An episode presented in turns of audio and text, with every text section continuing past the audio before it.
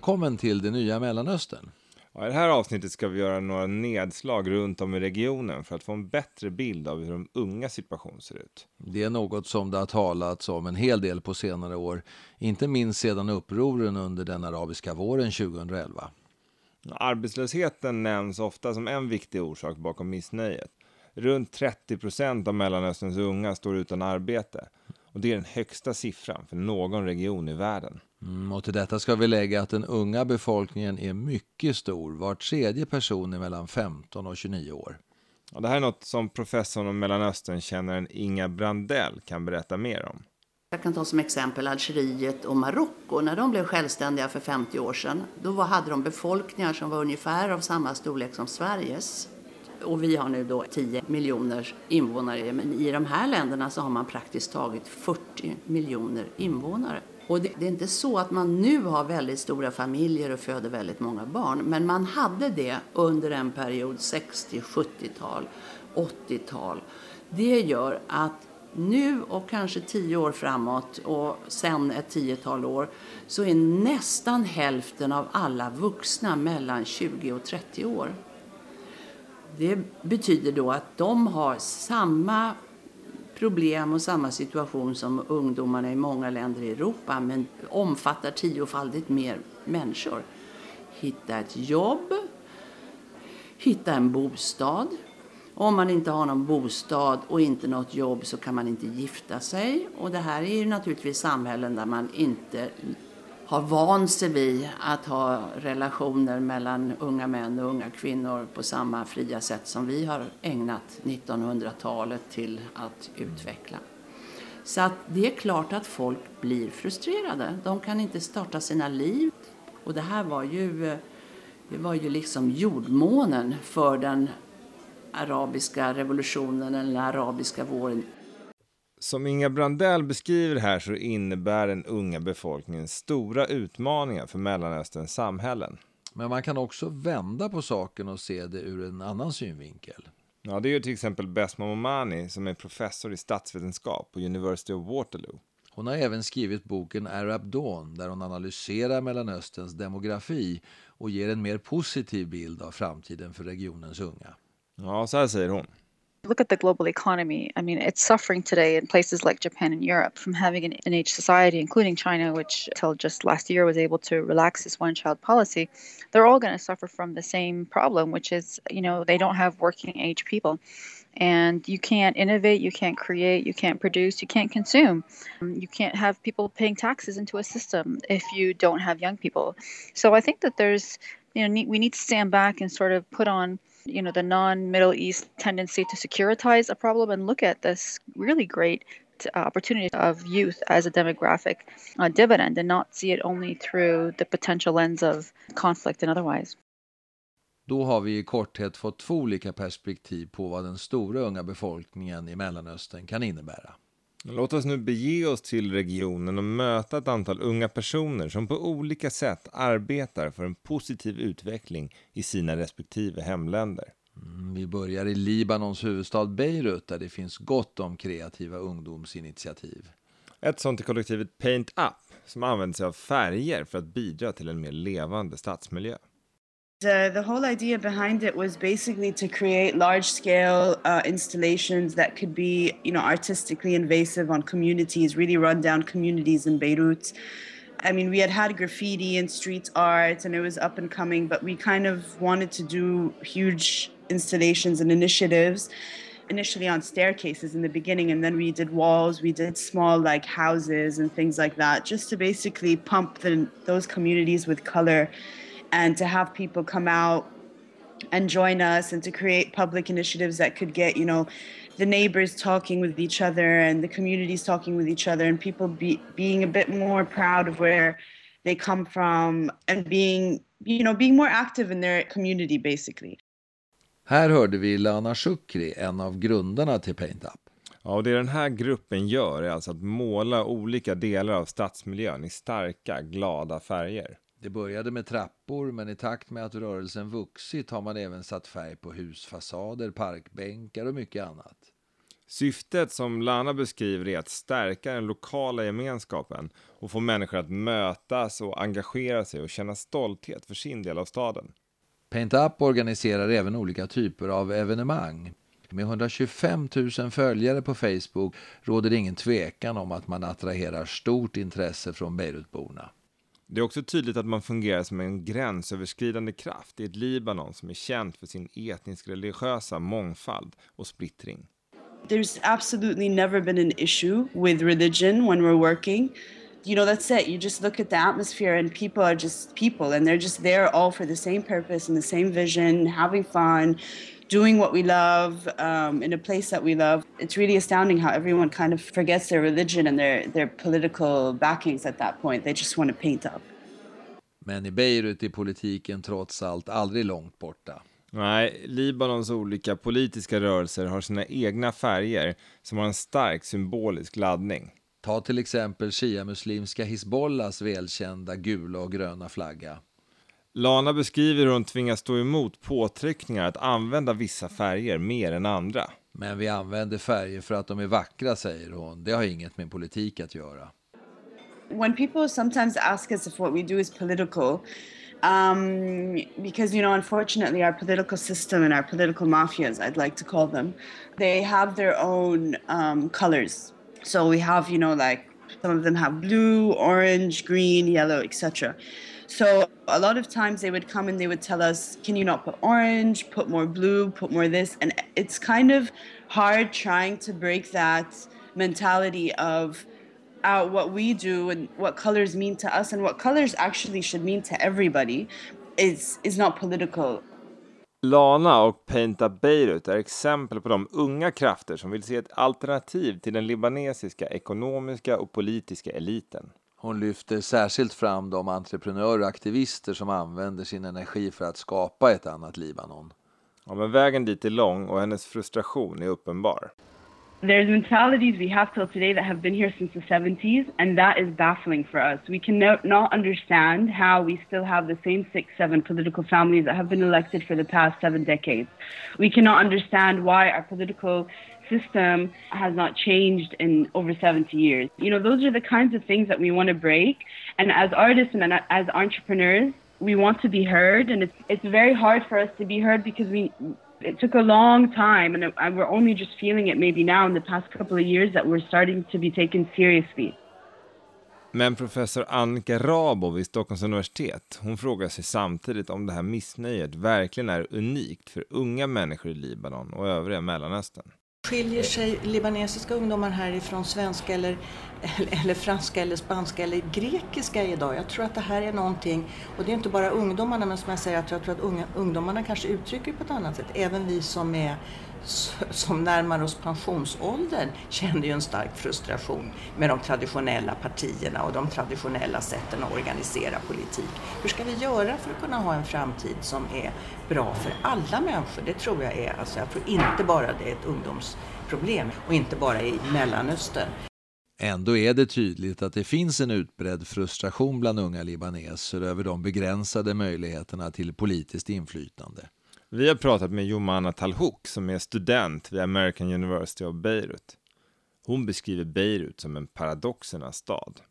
It's a progressive hub in the Middle East in the sense that how it's portrayed in the media is we have a lot of clubs and pubs and people party and they're happy and you know we don't have to be veiled and it's it's that kind of uh, image that is conveyed but when it comes to political organization, uh, we don't have so much, and uh, we struggle to actually create that alternative. En orsak till den politiska låsning som Jomana pratar om är arvet från inbördeskriget som plågade Libanon under åren 1975 till 1990.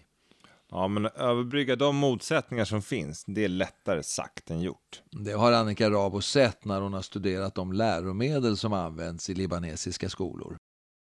Det har väl blivit värre sedan inbördeskriget på, på många sätt. Därför att eh, när förhoppningarna om att ett krig ändå skulle kunna lösa någonting inte gjorde det så har folk låst sig ännu mer i sina religiösa identiteter.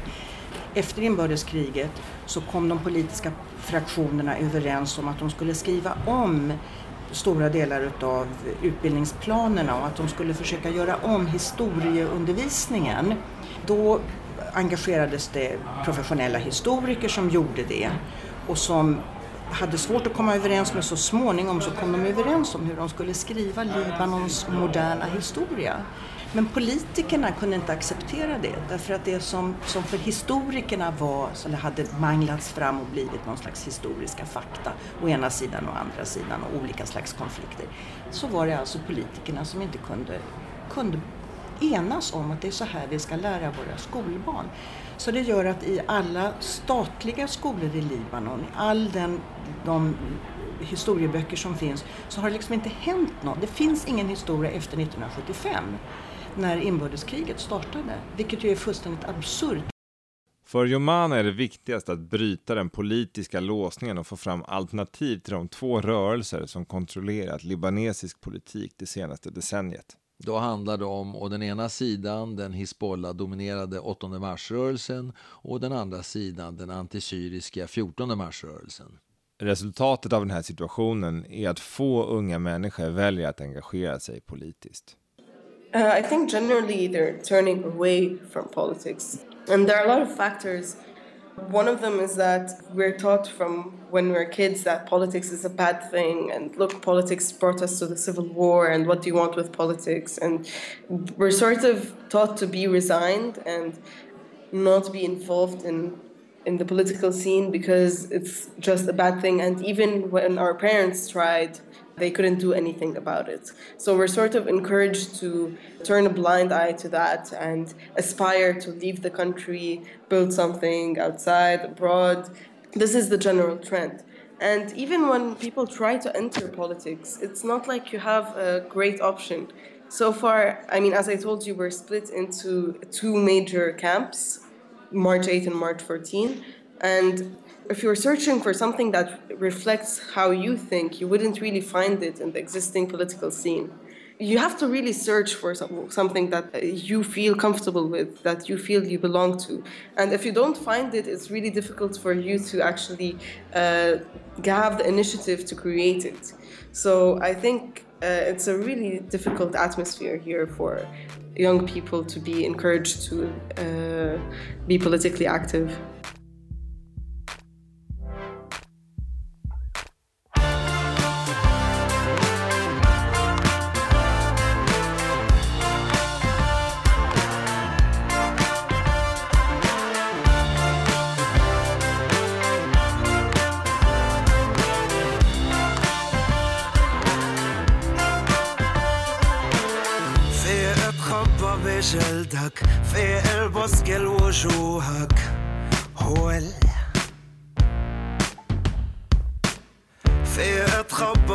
بخزانتك في البسكل بدلتك بس قول في كونك إذا بدك في غني كل كلماتك هو ال في مثلك حياتك لما تسمعني بمريتك عم قول بس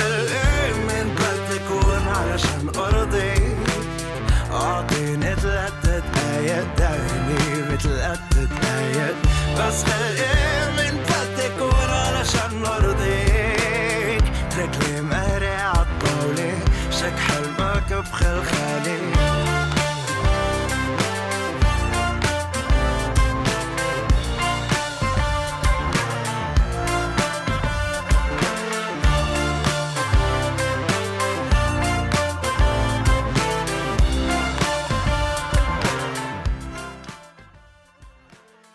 Det här var låten 3 minutes med den populära libanesiska gruppen Mashro Leila.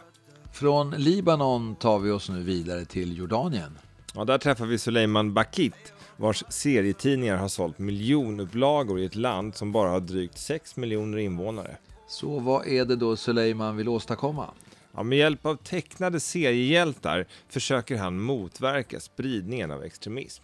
För Suleiman handlar extremism om identitet och unga människors vilja att vara en del av ett större sammanhang.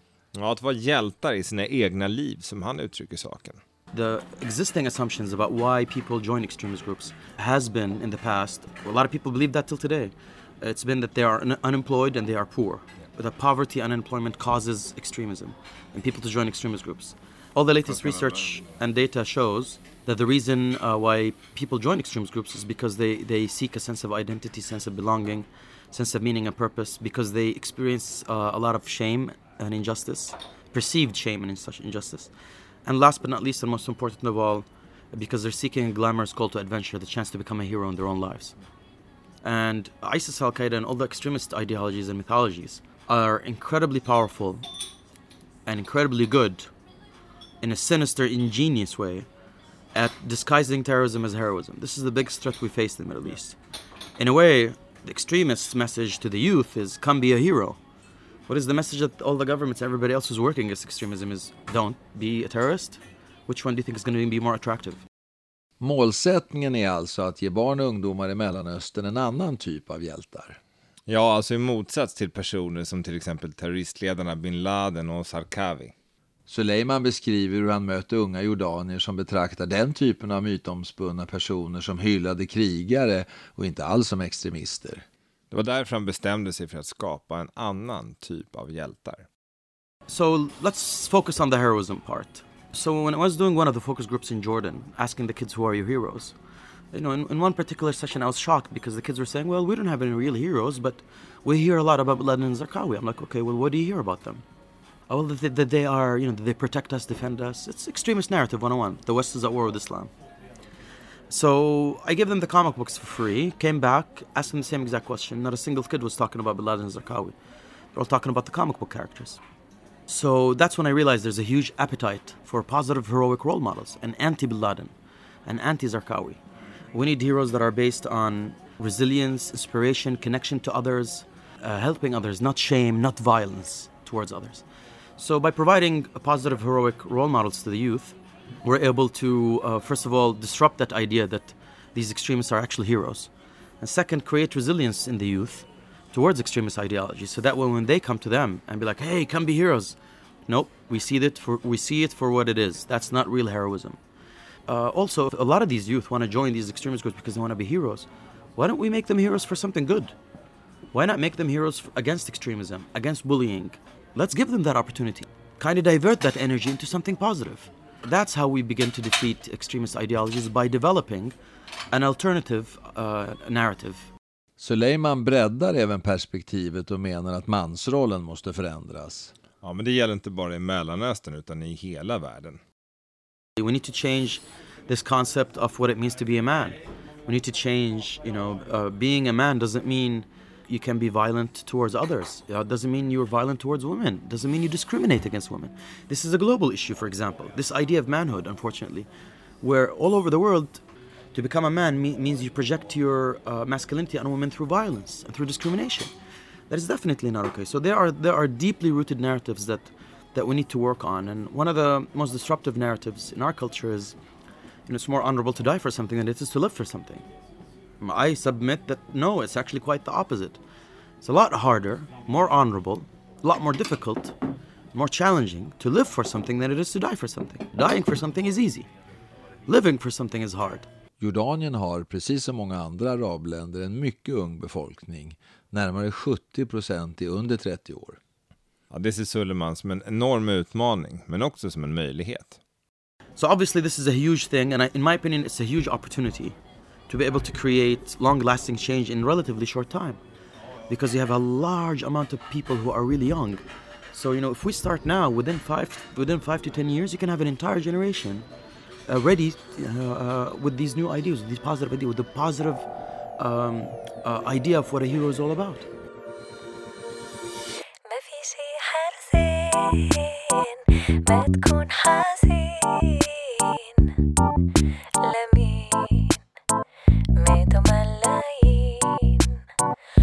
ربيخ لا مليونين لوين ما في شي حالين ما تنتف شعراتك خليك ادمين ما تطلع وراك بكرة جاي دورك عالأكيد Här hörde vi gruppen Soapkills med låten Herzan. Ja, men nu ska vi till Iran och träffa designern Aras Faseli. Han har grundat bloggen Tehran Times. Aras talar om en iransk renässans, hur unga iranier inspireras av europeiskt mode men samtidigt mixar med sin egen stil och inte sällan med anspelning på landets historia. fashion really travels. A lot of Middle Eastern kids from maybe privileged families, they would be studying outside of Iran. So some would be in England, some would be in US or in Dubai or anywhere in the world. So but they all go back, majority of them they go back during summer and the Iranian New Year. They bring the style of the city they live in and adapting it to a manto, which is the overcoat they wear and the scarf. So it becomes really interesting. And you walk in the street, you would be really impressed because you would see a girl dressed like a hipster but wearing the manto and, and the scarf. And then another girl, she's totally a New Yorker, but she's still wearing the scarf and the manto. And now this is even evolving into making it more Iranian, but with a modern silhouette. Aras Faseli berättar om hur han ofta blir trött på att iranier framställs som de tidigare varit närmast medeltida och nu plötsligt fått upp ögonen för modernt mode. Ett syfte med bloggen var att motarbeta den synen och ge en internationell publik en mer nyanserad bild av Iran. Even I remember when it was in the 90s and I was really young, maybe like five or six years old, but I can clearly remember that uh, our, my mother and her friends and my family members, they were dressing like um, the coat with the epaulettes or everything was really Armani style of 90s or Versace style, but it was there already. Den felaktiga bild av Iran som Aras anser att många har i väst avspeglas även i de internationella mediernas rapportering. For example, there was an article I saw a few months ago, and I didn't even want to continue reading because uh, the title was Young Iranians Drinking Coffee in a Cafe or something like that. And I was really surprised because why wouldn't they think that they would be drinking coffee in a cafe? Precis som på andra håll i världen har den ökade användningen av sociala medier gjort att trender fångas upp och sprids snabbare än någonsin bland Irans unga. They grab the information in a way. Before it was more difficult. Now it's easier because of Instagram, Facebook, and everything else. They realize what's happening everywhere. But this has always been there. Jobin Bekrad är journalist med rötter i Iran. Han driver olika projekt med inriktning på Mellanösterns konst och kultur. Jobin tycker att Teheran Times är ett spännande projekt men håller också med Aras Fasaeli om att iraniernas intresse för mode knappast är en ny företeelse. just like art and you know other things. I mean, we've always really been interested in fashion. Um, wherever in the world we've been, really, it's always been really important to us. Uh, I always feel underdressed when I when I visit Iran, and I remember when I was a you know much younger and I was visiting Iran for the first time. Something that everybody told me was you know make sure to dress nicely because everyone is dressed to the nines over there. And if you're taking, you know, any presents for anyone, make sure to buy them like brand names and, you know, snazzy clothes. And so we've always really been interested in fashion. It's not something new. The face of fashion has changed definitely, but you know, it's it's not like, you know, we've discovered, let's say, you know, haute couture or anything. Jobin Bekrad betonar att det för unga iranier till stor del handlar om att kombinera det moderna med traditionella iranska uttryck. You see, for instance, designers working with, let's say, themes of Persian calligraphy or imagery from the Qajar era or the Safavid era. So it's all very Iranian, yet, you know, very contemporary and modern. And you do have that sort of Western influence, or it's a mix. It, it, it's, it's neither purely Eastern or, or Western. Vi har träffat Irankännaren Ruspe Parsi på ett café i Lund. Även han pratar om den här fusionen mellan väst och öst som vi kan se på Teherans gator. Han förklarar också varför dagens unga iranier delar nostalgiska modebilder från 60-talet på sina Facebook-sidor. På 60 och 70-talet så skulle man bara ägna sig åt europeiska mönster om vi ska prata i sådana termer. Därför det var det som var det moderna. Och efter revolutionen så skulle man bara ha så kallade islamiska mönster. Men jag tror att för de här ungdomarna idag så är det vare sig det ena eller det andra utan det är ett mönster. Eh, Och man kan säga att i det avseendet så är det också ett tecken på fusionen. Det vill säga den här idén om att det är det ena eller det andra finns inte utan den är i det avseendet kanske inte så politisk som många andra vill att den ska vara. Men det finns en annat fenomen som kan vara eh, värt att tänka på det är att på Facebook till exempel så finns det ett, eh, nu en genre av fotografier som sprids. Och det är fotografier av iranier, framförallt unga iranska kvinnor från 60-70-talet. Och de, det är liksom en nostalgitripp. Titta, de är klädda i kortkott. Titta, de har senaste eh, frisyren och så vidare. Och det är många som, jag tycker det är fascinerande för det är på något vis just den här idén om att vi var moderna och nu har vi på något vis gått igenom en regression och blivit omoderna igen. Eh, och att hur, hur ska vi hitta tillbaks dit? Och det säger ju någonting om att oavsett var man står så lägger folk väldigt mycket betydelse i klädsel och utseende. Politisk betydelse. Men att dra en tydlig skiljelinje mellan religiös konservatism och modernitet är inte helt enkelt. Rosbe Pars igen.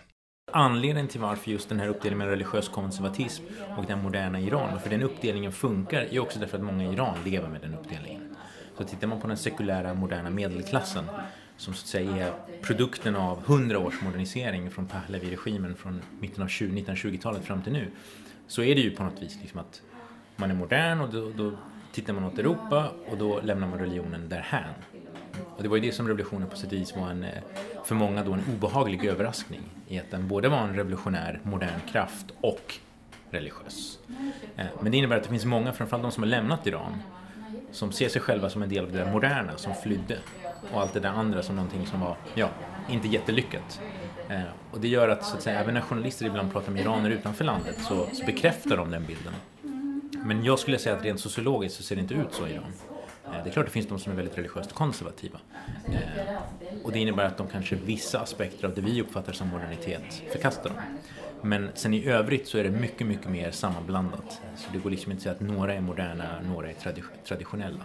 Det handlar mycket mer om den som påstår det, vad de själva uppfattar och delar upp världen i, än att de här människorna som de beskriver lever på det viset. Samtidigt råder ingen tvekan om att det är ett nytt Iran som växer fram efter den islamiska revolutionen 1979. Ett Iran där stora grupper konsumerar global kultur och vänder sig bort från regimens dogmatism. Ja, det talas om det postrevolutionära samhället. Man kan tänka så här att en, en, revolution är ungefär som eh, en människa som växer upp. Så i den första fasen efter revolutionen så är revolutionärer ungefär som tonåringar. De är jävligt jobbiga, de är obstinata och de vill mucka gräl med allt och alla. Och det är därför revolutioner, vare sig den franska eller den ryska eller vilken det nu är, genererar en enormt massa motstånd från alla runt omkring som absolut inte vill att det där ska spridas. Därav kontrarevolutioner och invasioner utifrån. Så i den fasen så vill revolutionen eh, provocera. Men de som genomför revolutionen och lever av frukterna från revolutionen kommer själva bli gamla. Och avståndet ideologiskt och deras övertalningsförmåga för alla generationer som kommer efter och måste leva med arvet av revolutionen tenderar att hela tiden öka. Mm. Så man kan tänka lite grann som Östtyskland under Honecker på 80-talet. Hur många människor var övertygade kommunister? Hur många gick med i scoutrörelsen och bla bla bla bla bla bla för att, ja, hade man något val? Inte egentligen. Så det är inte det att det inte finns människor i Iran som är övertygade om att revolutionen var bra. Inte att det inte finns människor som är övertygade om att högsta ledaren ska vara högsta ledaren och att hela det systemet ska finnas.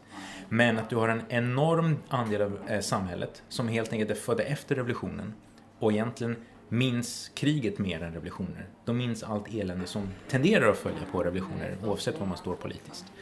Och för dem är en hel del av den här retoriken och den här diskussionen om Iran som en revolutionär kraft i världen som ska stå emot den amerikanska imperialismen, bla bla bla, är just det, det är bla bla bla. Eh, de ser inga direkta fördelar med det. De har inte upplevt några fördelar av den kampen. Eh, frågan om det finns några fördelar med den kampen, eh, det är ju egentligen väldigt mycket uppoffringar.